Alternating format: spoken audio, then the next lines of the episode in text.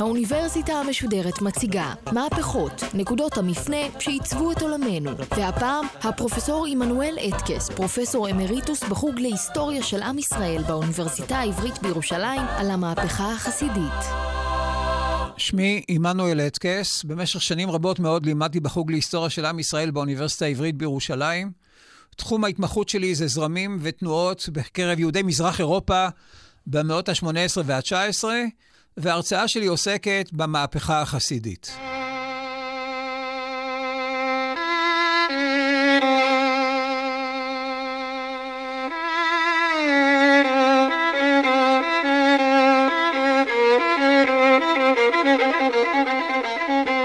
תנועת החסידות צמחה לראשונה בחבלים הדרומיים של ממלכת פולין, מה שהיום נקרא אוקראינה, מסביב לאמצע המאה ה-18. משם היא התפשטה לרחבי מזרח אירופה, ובעקבות ההגירות הגדולות של שלהי המאה ה-19 וראשית המאה ה-20, היא הגיעה גם למערב אירופה ולארצות הברית. בשנת 1777 עלו לארץ ישראל כמה מאות חסידים, התיישבו בגליל והניחו את היסוד למה שנקרא לימים בשם היישוב הישן.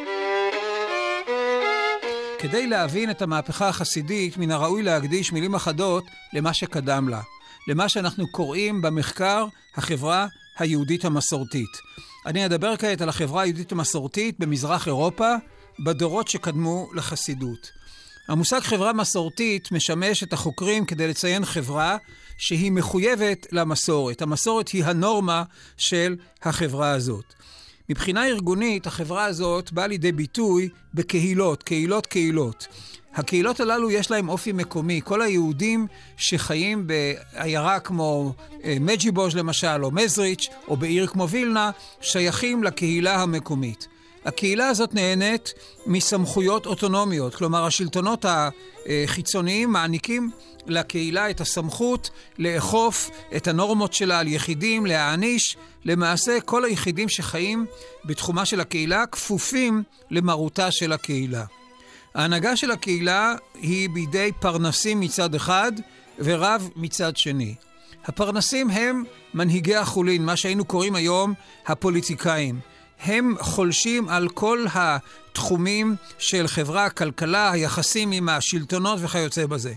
ואילו הרב, ביחד עם הדיינים, משמש כמנהיג דתי של הקהילה. יש שלוש פונקציות עיקריות של הרב. הרב הוא מורה הוראה, כלומר סמכות הלכתית עיקרית בקהילה. הוא אב בית דין, הוא ראש בית הדין שפוסק אה, על פי ההלכה, והוא גם מרביץ תורה ברבים. במקרה שיש בקהילה ישיבה, הוא עומד בראש הישיבה. הרב מתמנה לתפקידו בהליך פורמלי. הקהילה מחפשת מועמד מתאים, נושאת, נושאת ונותנת איתו, ומגיעה איתו להסכם חתום לגבי הזכויות והחובות שלה, והוא מתמנה לפרק זמן קצוב. אם אנחנו רוצים לאפיין את החברה הזאת מבחינה רוחנית דתית, יש לומר שהערך שעומד ברום מעייניה של חברה זו הוא לימוד התורה. זאת חברה שמעריצה את לימוד התורה, מעריצה את הלומדים, ולכן היא גם אה, באופן ממוסד תומכת בלימוד תורה. בכל קהילה וקהילה יש ישיבה מקומית שהקהילה היא זו שדואגת לממן אותה. תלמידי החכמים נחשבים לעילית הרוחנית-דתית של החברה, הם זוכים ליוקרה ולתגמולים שונים ומשונים.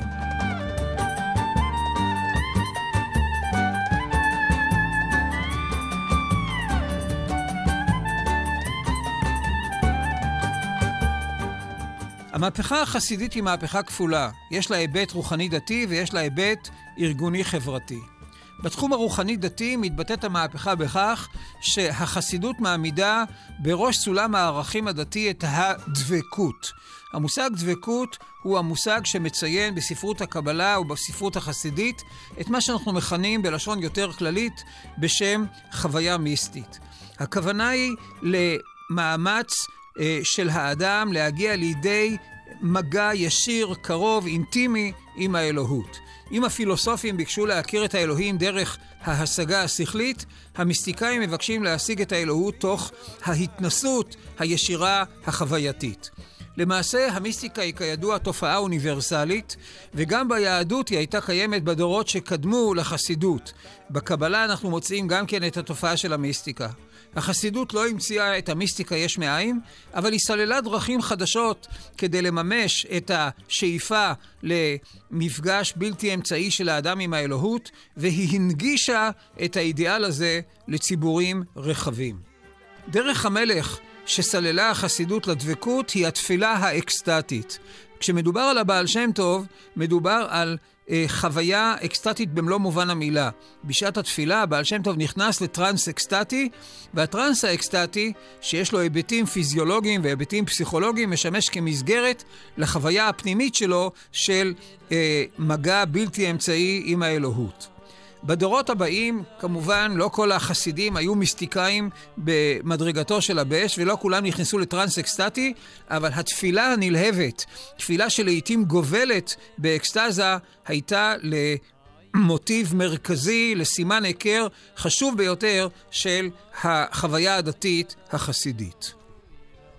מהו הבסיס העיוני שהבעל שם טוב והחסידות בעקבותיו בנו עליו את העניין הזה של השאיפה לדבקות? בזוהר מופיעה האמרה לית אתר פנוי מיני. כלומר, אין מקום שפנוי מנוכחותו של האל. האל ממלא את הכל. זאת אומרת שבניגוד לדימוי הטרנסצנדנטי של האלוהות, כפי שאנחנו מכירים אותו במקרא ובספרות חז"ל, הקבלה מטפחת דימוי אימננטי, האלוהות ממלאת את הכל, ולמעשה גם ה... העולמות שבהם אנחנו מצויים הם שופעים מתוך האין סוף האלוהי. על יסוד התפיסה הזאת, החסידות טיפחה את הרעיון של הביטול. כלומר, החסיד, כאשר הוא עובד את השם, הוא אמור להפנים הפנמה קוגניטיבית והפנמה רגשית את הדימוי האימננטי של לית אתר פנוי מיני, שהקדוש ברוך הוא ממלא כל עלמין וסובב כל עלמין, כלומר הוא ממלא את כל העולמות, סובב את כל העולמות, ומתוך ההפנמה הזאת החסיד שואף למה שקוראים ביטול היש, לבטל את העצמי שלו. הפיכת האני לעין, משחק מילים, אני ועין. כלומר, מדובר בתרגיל מדיטטיבי שמוביל לשינוי תודעתי. האדם מגיע למצב שבו הוא כבר לא מודע לעצמו והוא נטמע בתוך האין סוף האלוהי. בין השאר, החסידות הדגישה שתנאי מוקדם לדבקות הוא מאמץ של האדם להתעלות והזדככות מוסרית, כאשר דגש אה, מיוחד אה, ניתן לערך של הענווה והשפלות. כלומר, האדם צריך לשאוף להגיע למדרגה של ענווה, כי הרי אי אפשר להחזיק את החבל משתי הקצוות. אדם לא יכול להיות מלא אה, את עצמו, ובאותה שעה לשאוף להתקרב לאלוהים. מרכיב חשוב מאוד של המהפכה החסידית הוא ההתנערות מן הפרישות והסיגוף. כדי להבין את החידוש שיש בכך, צריך להדגיש שבדורות הקודמים, המקובלים והחסידים מן הסוג שקדם לחסידות של הבעל שם טוב, כאשר הם שאפו להתעלות והזדככות, הם הניחו שהאמצעי המבטיח ביותר לכך הוא דיכוי של הגוף. על ידי פרישות, כלומר על ידי ויתור על כל מיני מנעמים של חיי הגוף, על ידי סיגוף, כלומר על ידי ממש עינוי של הגוף בפועל, הם חשבו שהם מאפשרים לעצמם להגיע להתעלות רוחנית, משום שהם הניחו שהגוף הוא מוקד של תאוות, של יצרים, הגוף הוא נקודת האחיזה של היצר הרע, הנשמה כלואה בתוך הגוף, ואם אנחנו נדכא את הגוף, אנחנו משחררים את הנשמה. הבעל שם טוב והחסידות בעקבותיו התנערו מן ההשקפה הזאת. לדעתם, הפרישות, הסיגוף, הם בזבוז נורא ואיום של כוחות גוף ונפש.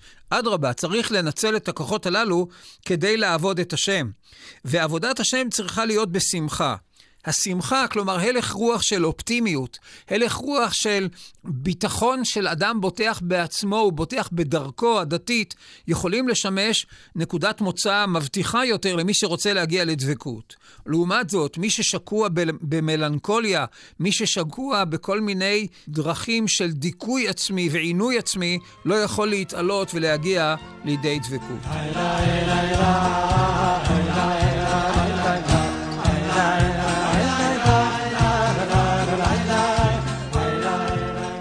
יותר מזה, החסידות טענה שהכוונה יכולה להעלות גם את החומר למדרגה של קדושה. אדם יכול לעבוד את השם בגשמיות. המושג עבודה בגשמיות, מושג שראשיתו בבעל שם טוב, והוא אה, מתקיים בחסידות בדורות הבאים, אומר שאדם יכול על ידי אכילה, שתייה, כאשר הם נעשים לשם שמיים, או שירה, או ריקוד, יכול גם בדרך הזאת לעבוד את השם. כמובן שיש כאן אה, רעיון מאוד רדיקלי שזכה אחר כך לביקורת מצד מתנגדי החסידות, משום שיש כאן אה, איום על תוקפה של ההלכה, כי ההלכה קובעת שקדושה היא מה שהוא בגדר מצווה, ואילו כאן יש ניסיון להפוך את התחום הניטרלי שבין חולין לבין קדושה, לקדושה בכוחה של הכוונה. ובאמת בדורות הבאים החסידות סייגה את העניין הזה ואמרה שעבודה בגשמיות מתאימה רק לצדיקים. מה קרה ללימוד התורה? אם החסידות העמידה במרכז את הדבקות, נשאלת השאלה, מה קורה ללימוד התורה? מה עוד שבדורות הראשונים שלה החסידות פנתה בראש ובראשונה אל גברים בעלי רקע למדני. התשובה היא שהחסידות כמובן לא ביטלה את ערך לימוד התורה. ערך לימוד התורה הוא ערך מרכזי יותר מדי ביהדות כדי שאפשר יהיה לבטל אותו. אבל בהחלט ניתן לומר שברגע שהיא העמידה את הדבקות במוקד החיים הדתיים, החסידות דחקה את הערך של לימוד התורה מן המרכז אל השוליים. הלימוד עוד לא, הוא לא עוד הערך העליון בעבודת השם, אלא הדבקות. הלימוד עצמו נתפס לפעמים כאמצעי לדבקות. הבעל שם טוב אמר, מהו לימוד תורה לשמה? לימוד תורה לשמה הוא המדרגה הגבוהה ביותר של הלימוד. תורה לשמה, לימוד שמביא לידי דבקות. ממילא גם נפגע מעמדם של תלמידי החכמים. הדמות האידיאלית מבחינה רוחנית דתית היא לא עוד הלמדן, התלמיד חכם, אלא המיסטיקן, או מי שנקרא בלשון החסידים הצדיק. זה הכינוי הספרותי החסידי למנהיג החסידי. וזה מוביל אותנו כעת אל המהפכה החברתית של החסידות.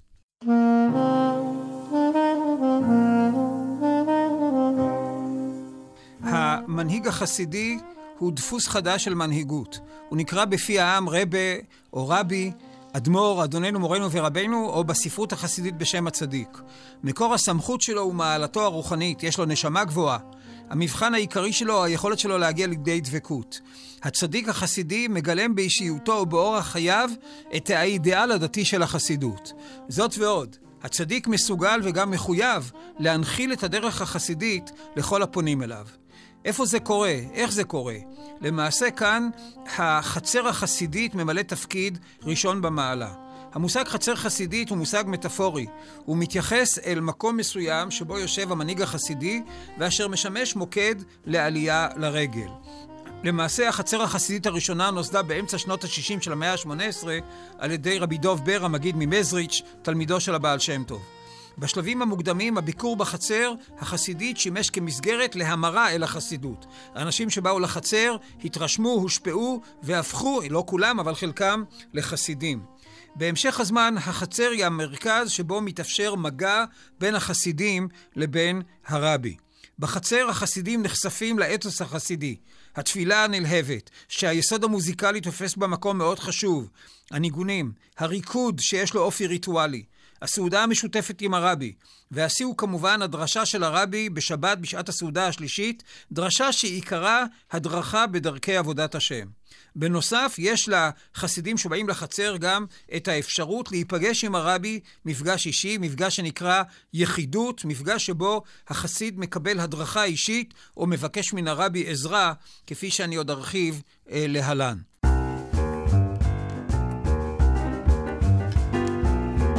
בעשורים האחרונים של המאה ה-18 החסידות מתפשטת ברחבי מזרח אירופה התפשטות גיאוגרפית ובעקבותיה יש גם התפשטות דמוגרפית.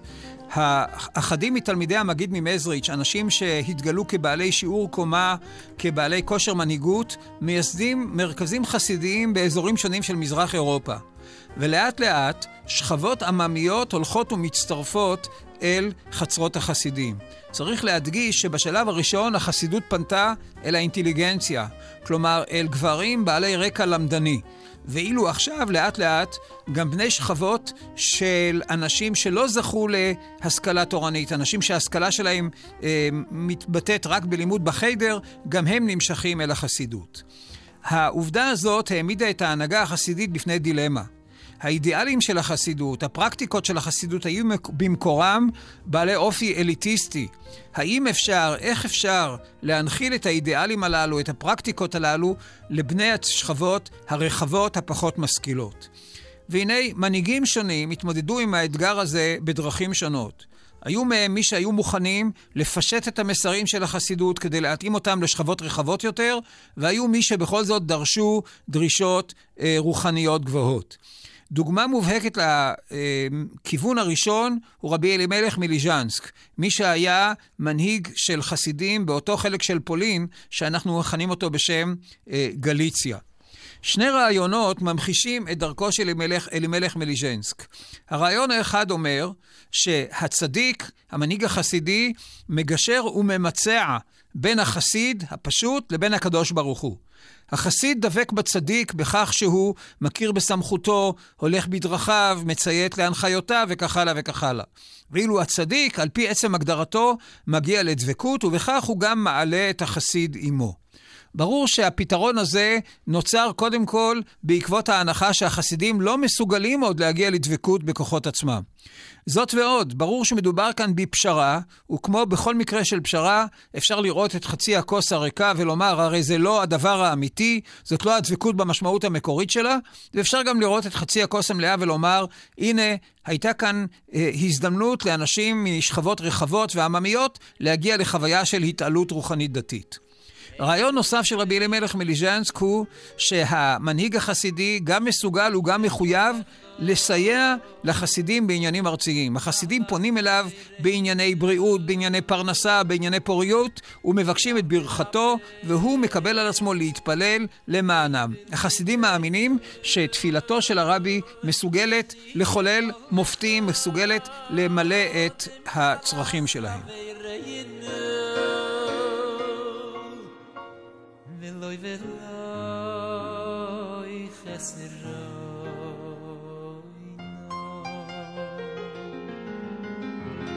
moy atrab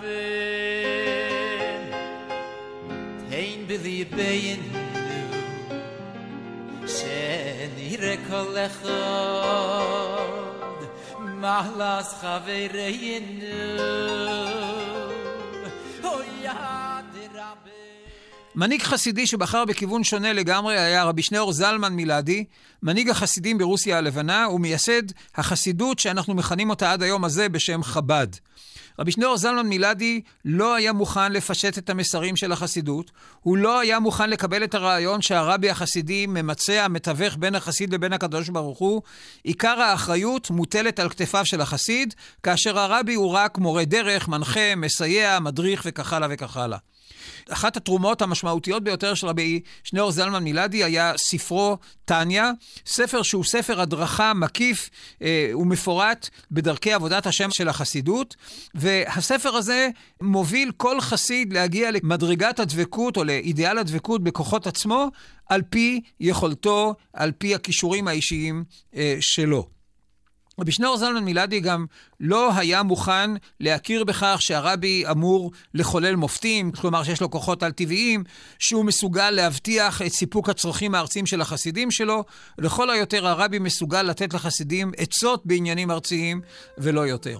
צמא לך נפשי, כמה לך בשר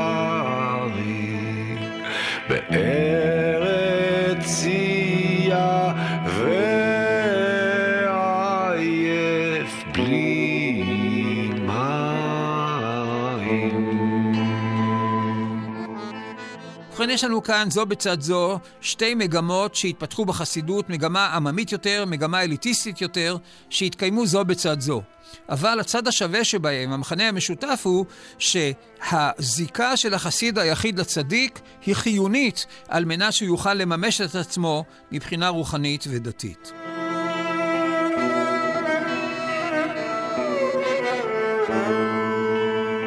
אני רוצה עכשיו להשוות בין המסגרות הארגוניות החדשות שיצרה החסידות לבין אלה של החברה המסורתית. כזכור, הקהילה של החברה המסורתית היא מסגרת ארגונית מקומית. כל יחיד בקהילה חייב להיות שייך אליה. לעומת זאת, העדה החסידית, ככה אנחנו קוראים במחקר למסגרת החסידית, עדה היא על-מקומית. חסידים שחיים במרחבים גיאוגרפיים שונים יכולים להיות קשורים לרבי שגר בעיר או בעיירה מסוימת. והזיקה של החסידים לרבי הזה, יש לה אופי וולונטרי. הרב, מקור סמכותו הוא הלמדנות שלו. הוא מתמנה לתפקידו בהליך פורמלי, המינוי שלו מוגבל בזמן, ותחום פעולתו הוא ההלכה. הצדיק החסידי, לעומת זאת, מקור סמכותו הוא הכריזמה שלו, הנשמה הגבוהה שלו, היכולת שלו להגיע לדבקות. וכאן יש חידוש גדול מאוד, הרבי החסידי הוא לא בהכרח תלמיד חכם. היו אמנם מנהיגים חסידים שהיו תלמידי חכמים, ובוודאי שהדבר הזה נחשב להם למעלה גדולה, אבל למדנות איננה תנאי מוקדם והכרחי כדי לשמש מנהיג חסידי. הצדיק החסידי לא מתמנה, אלא מתגלה. במילים אחרות, הציבור מגלה שיש בתוכו אדם בעל מעלות והציבור נמשך אליו. מאוחר יותר אנחנו יודעים שהתפקיד הזה עובר בירושה מאב לבן. הצדיק לא מוגבל בזמן ובמקום, כל זמן שאנשים נמשכים אליו, הוא אה, ממשיך לפעול, ותחומו הוא הדרכה בענייני עבודת השם וגם עזרה בעניינים ארציים.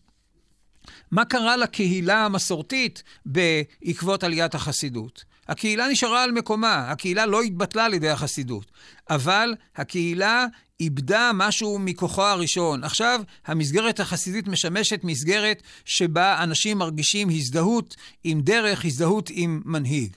זאת ועוד, כאשר השלטונות הפולניים ואחר כך הרוסים הולכים ומחלישים את הקהילה, הולכים ומכרסמים בסמכויות שלה, החסידות כמסגרת וולונטרית הייתה יכולה למלא את החלל שנוצר.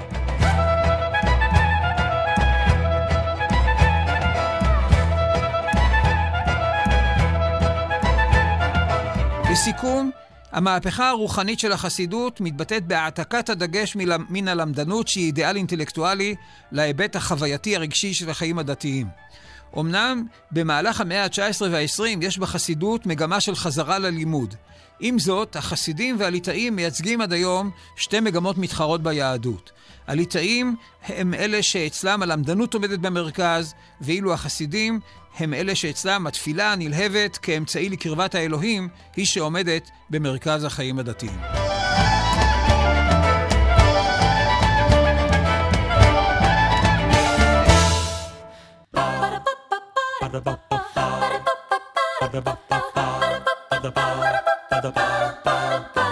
האוניברסיטה המשודרת מהפכות. הפרופסור עמנואל אטקס, פרופסור אמריטוס בחוג להיסטוריה של עם ישראל באוניברסיטה העברית בירושלים, על המהפכה החסידית. הפקה, דרור שדות. ביצוע טכני, מאי דוידוביץ'. מערכת האוניברסיטה המשודרת. מאיה להט קרמן, ליאור פרידמן, אורן הוברמן וגיא עופר. האוניברסיטה המשודרת. בכל זמן שתרצו, באתר וביישומון אפליקציה של גל"צ, וגם בדף הפייסבוק של האוניברסיטה המשודרת.